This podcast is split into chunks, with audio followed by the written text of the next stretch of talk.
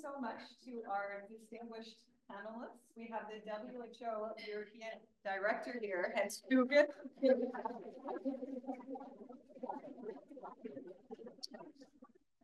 Flemming Konradsen, who started the School of Global Health and is now at the Novo Nordisk Foundation as the Senior Vice President of something, something.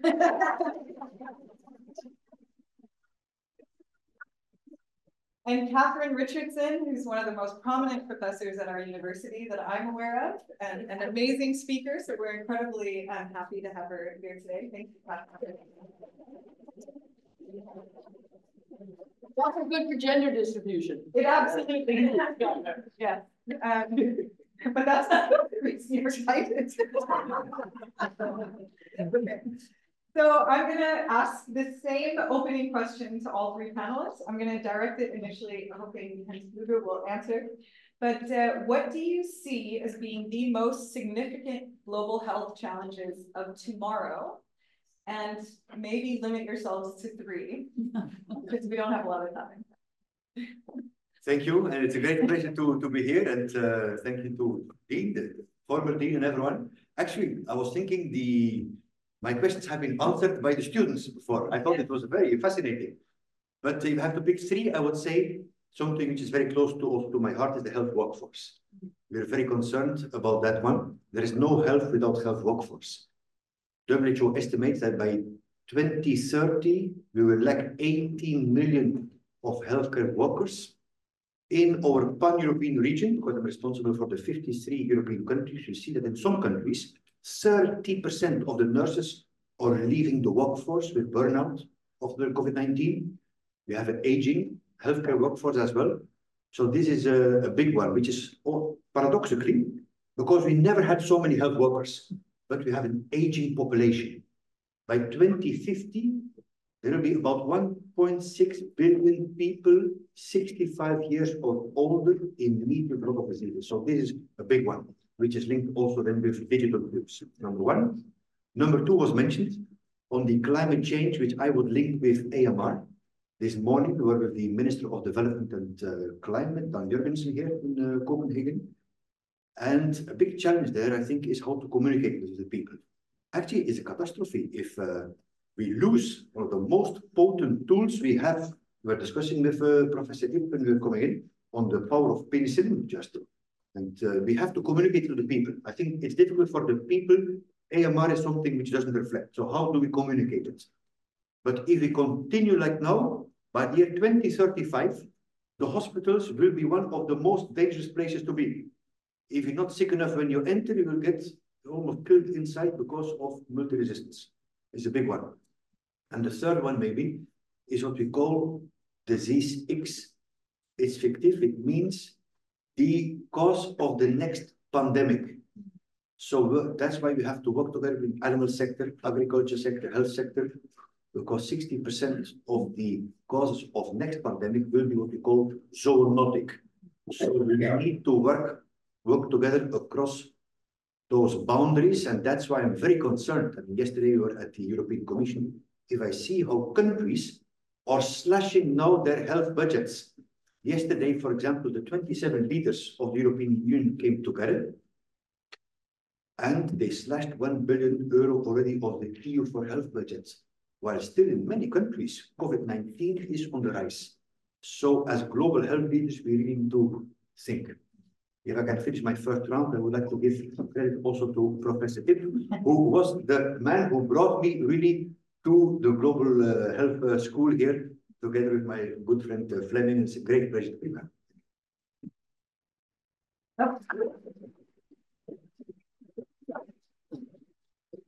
Let's take it in the sequence that you're standing, Flemming. Would you, would you like me to repeat the question? Or? Uh, no, I, uh, I, I may happen to repeat some of the points just made earlier by students or Hans, but um, what is, I think, clear to a lot, not just me, but the inability of our health and, and welfare services in general to reach those in greatest need, I think is a cross the board challenge. Call it inequity in health, call it all kinds of stuff. But I, wherever I read and look, we are just not well enough in our design and intention and purposeful thinking of reaching those who really need and continuity of care, access, but also maintaining people in diagnosis and treatment, of course, also prevention. We are weak. I think we're weak in Denmark and weak many other places. So the inequity in health is a core fundamental issue that are driving poverty and generates even more um, this quality of life as it relates to health, much more than it has. So inequity in health in its many forms and shapes and sizes is an issue. Then I would certainly think it's mentioned already that uh, mobility, migration, mobility in one way or another, how do we deal with mobility and health uh, is an issue for uh, people who are working across borders in an increasing extent, but of course also internally displaced and refugees and many others. But the mobility and health angle to our healthcare services is something we need more training and research uh, upon, clearly. And then um, the health workforce, I fully agree, but that's captured, captured. So it's not on my list. It is on my list, but I, I, I won't say it right now. Um, but I, I think, um, and that's not because I now have a job at the Novo Nordisk Foundation. Uh, it was it was very much who introduced me and enlightened me on this. But um, we are facing a major, major burden of non-communicable diseases that are gonna place an unimaginable economic, societal cost on countries and systems around the world.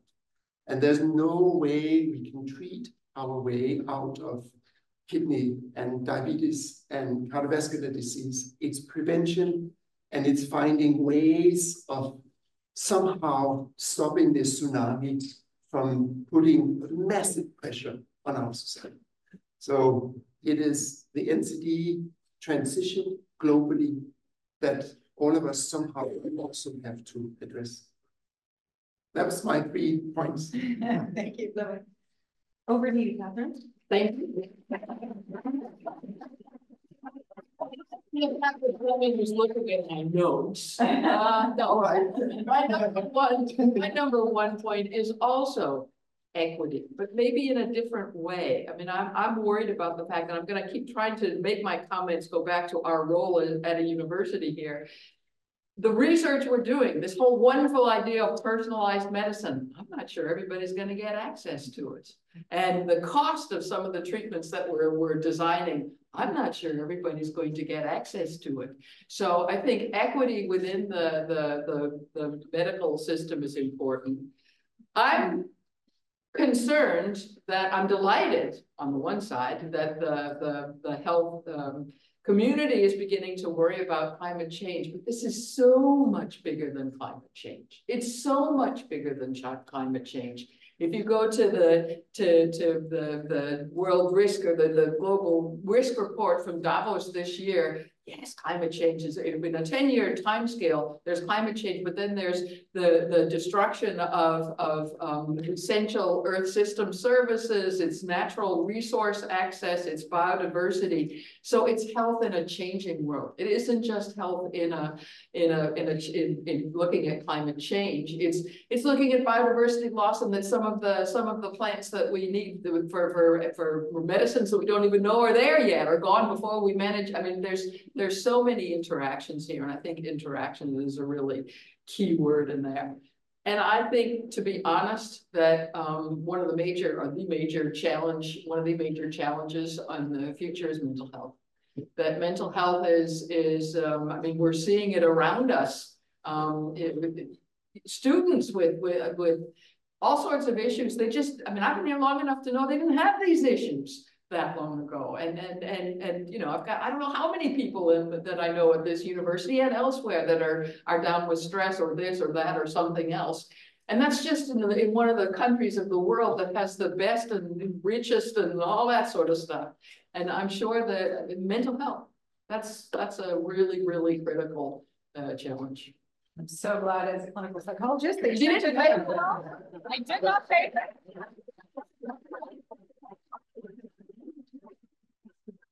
Katherine, can I stay, can I stay on you for a minute? This, so I'm gonna ask each of you, um, separate questions now, um, starting with Katherine. So you were among the fifteen scientists, um, chosen to draft the UN report on sustainable development, which I think was in twenty nineteen. Yes, One aim of the report was to re- review the progress made towards, um, this, uh, accomplishing the sustainable development goals. yes, And my understanding of one of the learnings from this report was not only that several critical goals like climate action and life below water, to name a few, are trending in the wrong direction. But that improvement on some SDGs is coming at a cost to other SDGs. So for example, ending hunger comes with enormous environmental costs. yes. Well, the first of all, many people under, misunderstand the SDGs.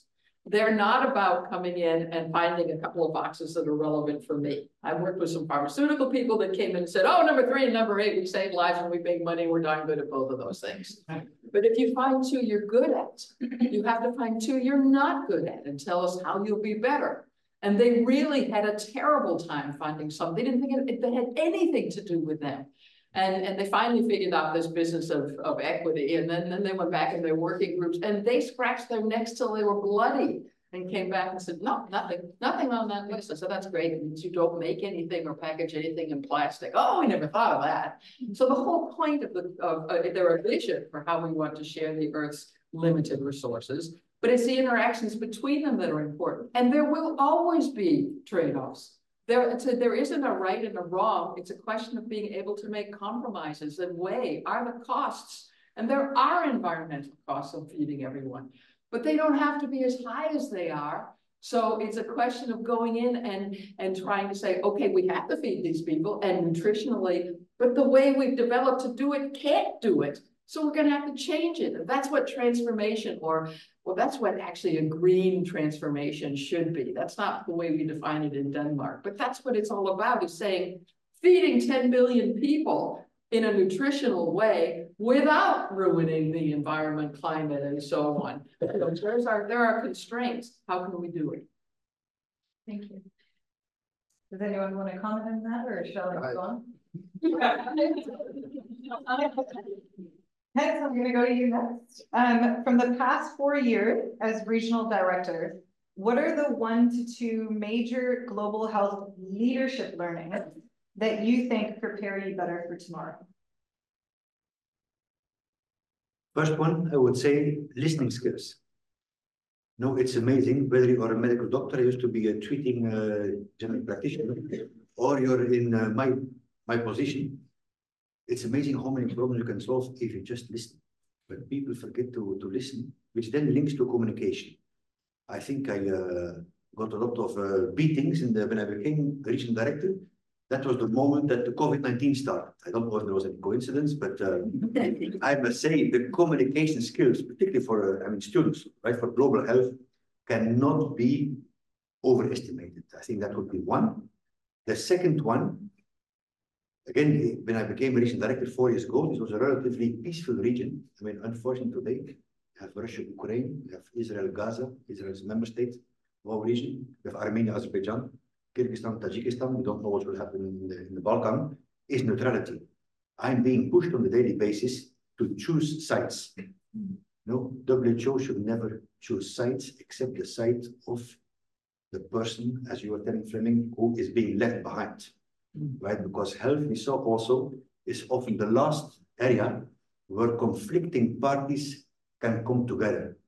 It's not easy, but I learned that if you're criticized by both sides, it means you're doing still a pretty good job. Good, thank you. Flemming, I'm sorry to do this to you.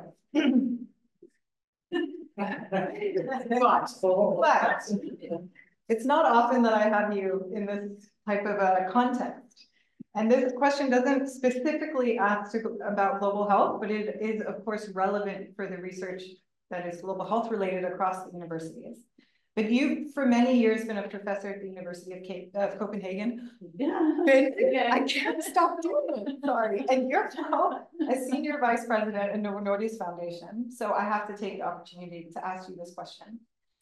So I'm led to believe that there are currently nine hundred and twenty ongoing grants from NNF to the University of Copenhagen for a total worth of almost ten billion kroner. That's equivalent to the total ordinary running cost of the entire university in twenty twenty-two, which was nine point six nine billion. Some might call this a frightening level of dependence. Do something about that. What would you call it? That's my question. Oh. What is it called in the US? The right to remain silent? No, fortunately, a lot of these uh projects are come about from open competition, open calls.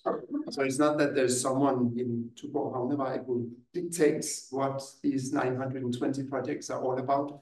They have come through uh uh lots of our colleagues who have submitted applications and they're reviewed by standard sitting review committees and so on and so forth. So uh I, I think it's a common uh, thought that there's someone who sits and decides and dictates and and, and so on uh, within the organization NNF. Uh, that is uh, only for some, and I don't know about the 920 how many that would be. Uh, but certainly that depends upon the ingenuity and creativity and mindsets of people at the university. So that of course evens out a little bit of the potential risk uh, that it becomes monopolized. We have a number of centers and University of Copenhagen is certainly the partner where there's most centers. They of course also developed increasingly in a more diverse field of topics and of course also in a very close communication. Um, but it is still an element of risk and it's something that increasingly is being discussed where I work um, if, if this dependency is a risk and, and how to make sure that it's uh, representing the wider uh, research environment, the strategy that uh, came about when I recently started at the foundation is much, much wider. So sustainability is a big area, the fastest growing area of our funding frame. Uh, the life science ecosystem has now been broadened out and and the social sciences will get a much more significant allocation moving forward because the amount of funding is simply increasing. This year, there will be a quite a significant increase compared to last year. So, so the the uh, the risk of being too dominating is is real. It is real, and and we have to find ways of of making sure that that doesn't happen. I think obviously I'm biased and my job at the foundation is also to support the globalization of the foundation. I think it's an absolute essential part of our foundation, where I work now, moving forward, that we are assisting the research environment in Denmark in being more global in its work in terms of topics, reach, partnerships, because the ability to move up in the research uh, of the research ladder, not just in publications, but addressing real big global issues, is in global partnerships, making sure that our funding is designed in a way that Danish institutions can benefit even more from European Union funding, American funding, Japanese funding. So we probably jointly as institutions in Denmark and the foundation have to work uh, quite aggressively on how we globalize the funding uh, ability and partnerships and so on. I think that's that's something we have to commit on both sides. Was that around the? Uh, I just also want to say, I didn't tell Flemming ahead of time that I was going to ask him this question, so he had no, no warning at all. Thank you for taking it on. Could I add to that? You absolutely can. Because it, it strikes me that, um, that one of the most, I mean, we, when we do something and do a project and then do it here in Denmark, we, we focus on the results. And very often when you're involved in trying to do something, um, these partnerships that Flemming's talking about, it's process that's just as important as results. And I think we have to get that, somehow get that built into our, our applications, but also the funding and the, you know, and, and in our way of thinking that, that sometimes the contribution is greatest if it isn't the earth shattering result because complex adaptive systems like our societies don't change with great big solutions. They change with a lot of small changes and buttons along the way. Thank you. So I'm gonna ask one last question to all three of you, and then we're gonna open up the floor. Yes, we still have a little bit of time. So this is, this question is for the benefit of our students. I would last, like to ask you, do you have any advice on how they can best prepare for a career in global health? And I think you've touched already on some of these, but if you want to add anything, what are the most important things to, to tell our students about? Yeah. Recognize that the definition of health is changing. It's constantly changing. And where it used to be just a no absence of illness or injury in a human being. And it's now so much broader and it's going to continue to change. And it's a stupid word because it's it's completely subjective and anthropocentric and everything else. Um, but health is changing and you have to change your thinking with it. Thank you.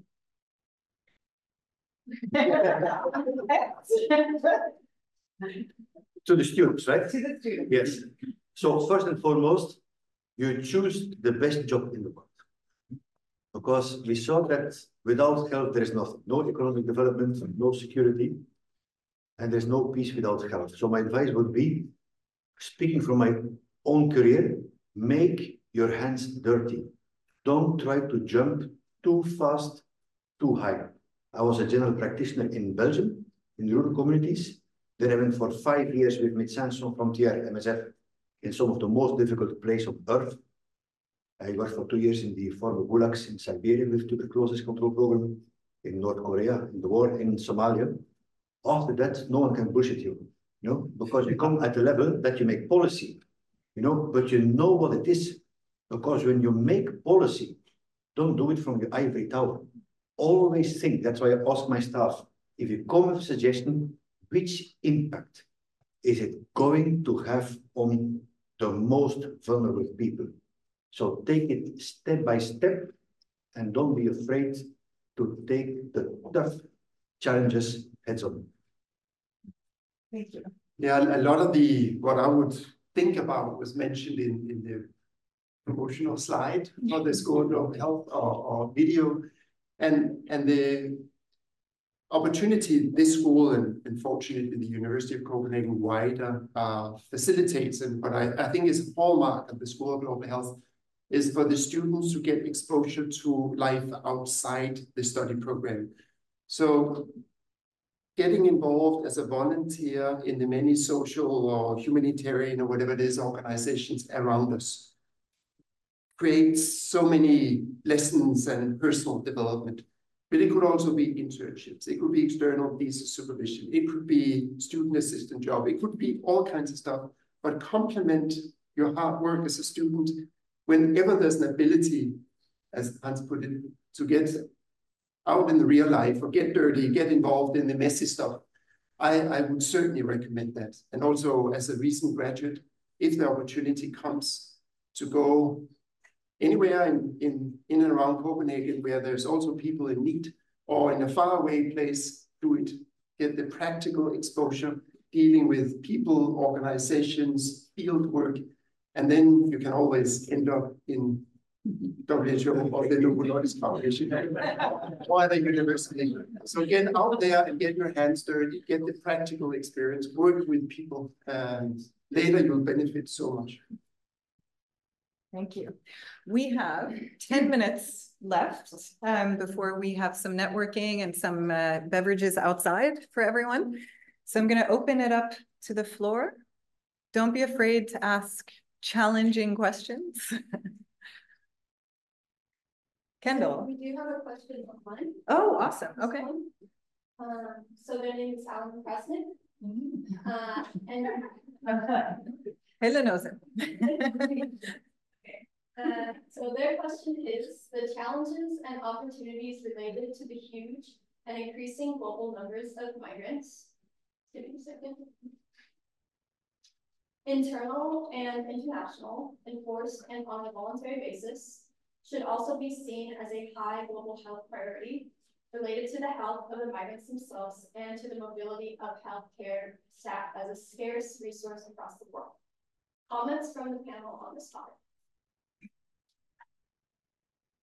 I think the really interesting and critical thing about that topic, which is of course true, is the fact what they're doing is pushing pushing the buttons of interactions. And what we've been doing in all of our of our training and, and with our reductionist approach is we describe living and non-living things in the system and never the interactions. And they're trying to get us to move into interactions, which and system thinking, moving from sector to system thinking. And I think that's absolutely crucial.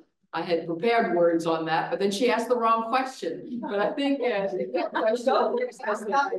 I just Also, just to say, Allan Krasnik is actually an emeritus professor at MESU, so that, um, just for those in the audience who did not know that.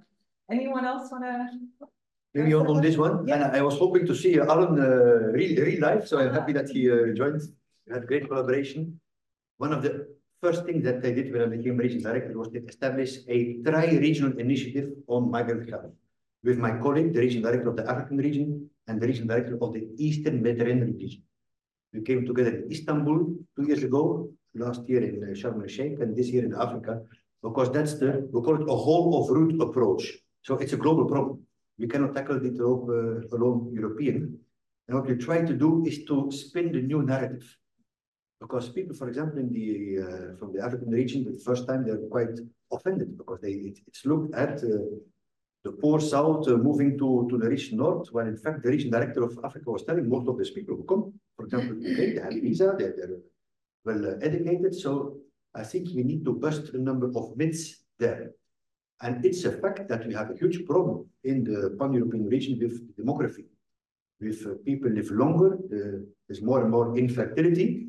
So in that sense, it also has an economic spin. So I think it's uh, it's a huge ethical issue as well, but we shouldn't see it as a crisis. It's migration is part of society. It's something which has been there, you know, and if you look at many of our own backgrounds, if you look, you would also fit the, uh, I'm a migrant in uh, Denmark. So uh, in, in that sense, I think we need to put a new positive narrative on it, not to further antagonize. Just one small comment, and, and I certainly agree with Ellen uh, that it is a very important area. The WHO have led the process and recently published uh, the first research agenda on migration and health. Um, and there will soon be a joint call to support the, the WHO global research agenda. And what is interesting there is that there has been a lot of systems and so on, not to say that's not well and good, but this particular call will be the migrant in center. So there are so many different kinds and different circumstances, but starting with that particular um, mindset or perspective or lens, defining different groups who are migrants and, and what are their particular uh, challenges and opportunities in life. Uh, so that will be a, a significant call across five foundations to be announced later this year, but taking a starting point in the WHO uh, research agenda, global research agenda on migration. Nice, thank you. Yes. So, Katherine, um, this year, uh, this year, COP the first health day ever. And, but it still feels like it was afterthought in the whole climate change discussion. So what can we actually do to make sure that health is at the center of all the discussions and activities on climate change? And maybe has to also. Well, I think it's, I think actually it's, um, it's pretty anthropocentric to say health should be, the starting point should be health and we go out from there. But of course, health should be an integral part of it. And, and, you know, I think we're working at the moment on trying to, in education, we're working at this, in this faculty at this very moment, aren't we, Jörn? Trying to get, uh, trying to get, uh, that all students get, uh, get exposed to why this is important for us and, and what we should be doing. And I'm finding very hard to make sure it's not just climate, it's more than climate. Um, so I, I think it starts with education, it starts in the narrative. I'm delighted to see that the, the, the people, the, the, the authorities in Denmark responsible for the health system, the regions, have now on their own come with, I mean, their own incentive, come with a, a strategy for how to reduce um, emissions in the health sector. And about six percent of Denmark's emissions come from the health sector, most of them third tier, so things that you're importing and what you're using and so on. So there's getting to be there's there's a starting focus, but I have to say the, the health sector has been really late in coming to it, which then means that they're the way they've gone out into the world and tried to sell it has been not, and and the same in, in education. So it's uh, not a shame, there's no shame associated with coming late to the party, but you have to dance a little hurt, a little faster if you're gonna get, if you're gonna get, uh, have a really good, so, so you know, I think that's the key, is to understand why it's important, talk it up, have it be a part of education, and make it be a part of policy too. You wanna add? something? Can I add something? Okay, yes, Yes. yes. So I think we should not underestimate the fact that there was a first health day, right? That, as you say, Katherine, we were at the party. So this is already a big achievement in, in itself. Number two, the next COP will be hosted in our region. We're discussing already with uh, Azerbaijan. I think we should take uh, advantage, but also be smart because many ministers are telling me, yes, we know, but who is going to pay the bill? You know, we have to green hospitals. I mean, they don't know how to pay for the innovative medicines. They don't know how to pay for their workforce. So, so we need to first start, I think, in our health sector itself is number one. And number two, it comes back to uh, how do you convince Minister of Finance of the importance of health? They say, yes, but education is knocking at my door and now we need to have defense for, uh, for Ukraine. So I think we need to link it in a smart way with the broader agenda. Like we need to link health with the broad agenda of digitization and artificial intelligence. You know, 30% of the world's data volume comes from the healthcare sector. It will be 36% by 2025. So huge, you know, potential to increase productivity, decrease absenteeism. So this is something we learned that not what can you do for me, but how can we help to solve your headache, basically. What Allan just said was from sector to system thinking. Yes, in the back. Yeah. So, um, we know that there is a lot of research in the recovery system that shows that it's a really complex issue. That not only involves water, uh, animal, but also health, and within health, there is many complex factors that contribute to that. My question is, in the future, what is that research line that needs finally to, to see interventions? To have these evidence-based interventions that can help the low middle income countries, like my country, uh, to go forward in this uh, fighting against this economic system that is rising so fast. Just one brief comment. Obviously, we know a, lot of what it takes. Uh, there's, there's, uh, and a lot of it depends upon action, which is not so easy, I know. Hans just mentioned the health facilities. Uh, around the world, we have hotspots for transmission of antimicrobial strains and linked with increasing mobility and medical tourism and so on and so forth. We have a real issue. And it's not just the fact that it's impacting patients who come with an infectious diseases, but you also see how it undermines cancer treatment and, and many other uh, health outcome areas. But a lot of it we know, uh, and, and we need simply to have action in the animal husbandry sector, in the hospital infrastructure, and so on and so forth. Um, we also need to create a market that's attractive for the development of new antibiotics. Currently, that market isn't there. So, so we need, you know, significant investments from private sector into antimicrobials. And, and no one is interested because you don't make money. You make money on obesity medicine. You just don't make money on the development, production, and sale of antimicrobials. So it's also a market failure requiring political commitment to adjust a market failure. So it, it is both hands-on, we know but it's also a market failure we have to address. Can I ask from, uh, because you mentioned your country, from which country? I- Okay, so, um, yes, I, I think Flemming, you, you described the whole chain. So maybe to, not to repeat, but to add, to protect what we have, because definitely we need new medicines. There are very few, uh, new antibiotics actually. If you look at the different chemical classes or mechanisms, how they work, but to protect what we have, because many countries have shortage of essential medicines. Really, so it's not only about innovative medicines, but not losing what we have, which comes back to educating the population. I mean, this is quite impressive in, uh, in Denmark, I, I must say that uh, it's not, in most countries, people will almost be offended if the general practitioner does not prescribe an antibiotic.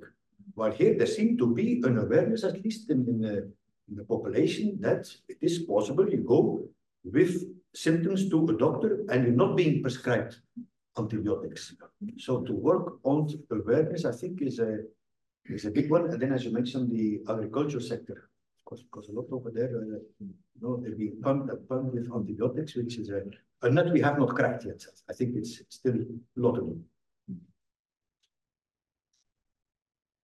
Oh, we are over to, oh, yes, sorry. One last, one last question and then we will go. Thank you. That'll be a quick one. I just want to bring another very important topic, global health topic to us, which is air pollution, which is closely related to climate change and health effects. One is the biggest uh, silent killer after major health risk factors.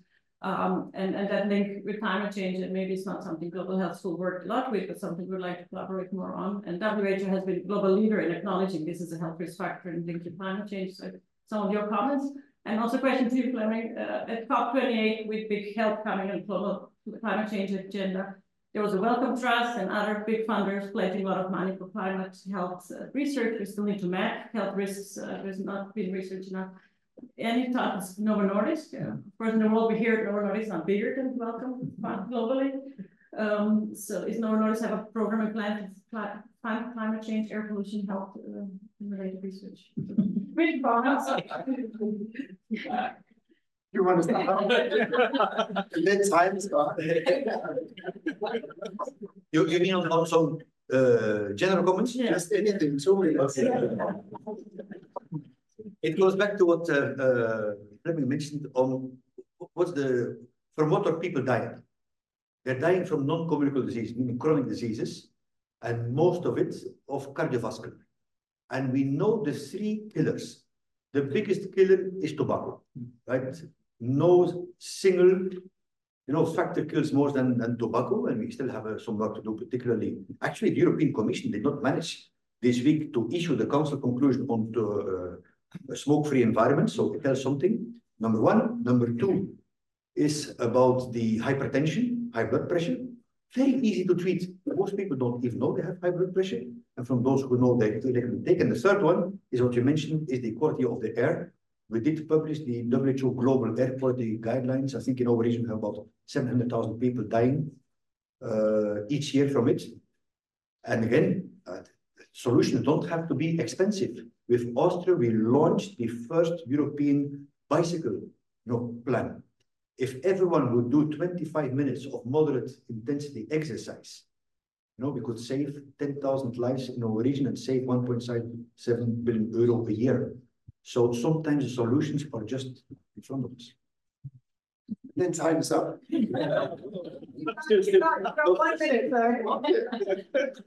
So the short answer is that we are, it- it's like a politician would say, but actually it's real. Uh, so we are looking into what should be our angle to the climate and health. And there's obviously many, many players in the field. And should it be the cardiometabolic disease climate angle? Since infectious diseases has grown significantly at the foundation, should we also take that on board? Um, vector-borne diseases, but also wider um, infectious diseases. And then we have uh, looked specifically at environmental factor, factors, direct or indirect, that's associated with health and climate change. So the short answer is we have just started. We have a, a consultation in, in May, uh, second week of May. where all the other funders, and we are of course in dialogue with them, because we all also would like to carve out a niche area um, to fund, starting with calls and what we call standalone grants. That's not too overlapping with the Bill and Melinda Gates Foundation, Volkswagen, and so on, and Wellcome, of course. So we are not there yet. Uh, we are being pushed by our board of directors to um, certainly take this up much more, uh, much more actively in our partnerships and funding. But it's just how to scope. We're not clear about that yet. And and the global perspective will be quite significant. Could I just add? Yeah. There is one good thing about the, the, the health effects of particles in the atmosphere. I believe that, that because we're so concerned about the health effects of aerosols, that that is the one planetary boundary we will never cross. So it's good news too. Yeah. I had, I had just a quick question about communication. So even if you have this good information of what to focus on, how do you get that information to the people who can actually benefit and understand it? Because there's a lot of misinformation. How do you clarify your agenda to the people who can make a difference within any of these kind of issues within global health? So thi- this is, uh, we- we're almost obsessed about, about this because it's very worrying what we saw during COVID nineteen. Now we have it. No WHO is trying, well, member states are trying to have a pandemic treaty, a pandemic uh, agreement, and so much fake news uh, around. So this is something that actually my director Rob has been initiating on behavioral and culture insights. That we need to understand what the people are thinking it's basically social innovation. It was also new to me. I learned this when I was working in the civil war in Liberia, when we had outbreaks of Ebola. And we were going out and we risk our own life as doctors trying to save, and we were attacked by the mothers because we were telling that when their child died, right, they shouldn't touch it because that's the most dangerous moment when the dead body is having excretions. But of course, in their culture, before the child goes to heaven, they have to hug it, they have to kiss it. So then we understood with MSF that we need sociologists, we need anthropologists to really design the communication to the target audience. So it's about strategic communication and social innovation, but we have, again, a lot of work to do. So I think it's a great point you're making. And on that really great point, I'm gonna thank our three panelists. Thank you so much for an incredibly interesting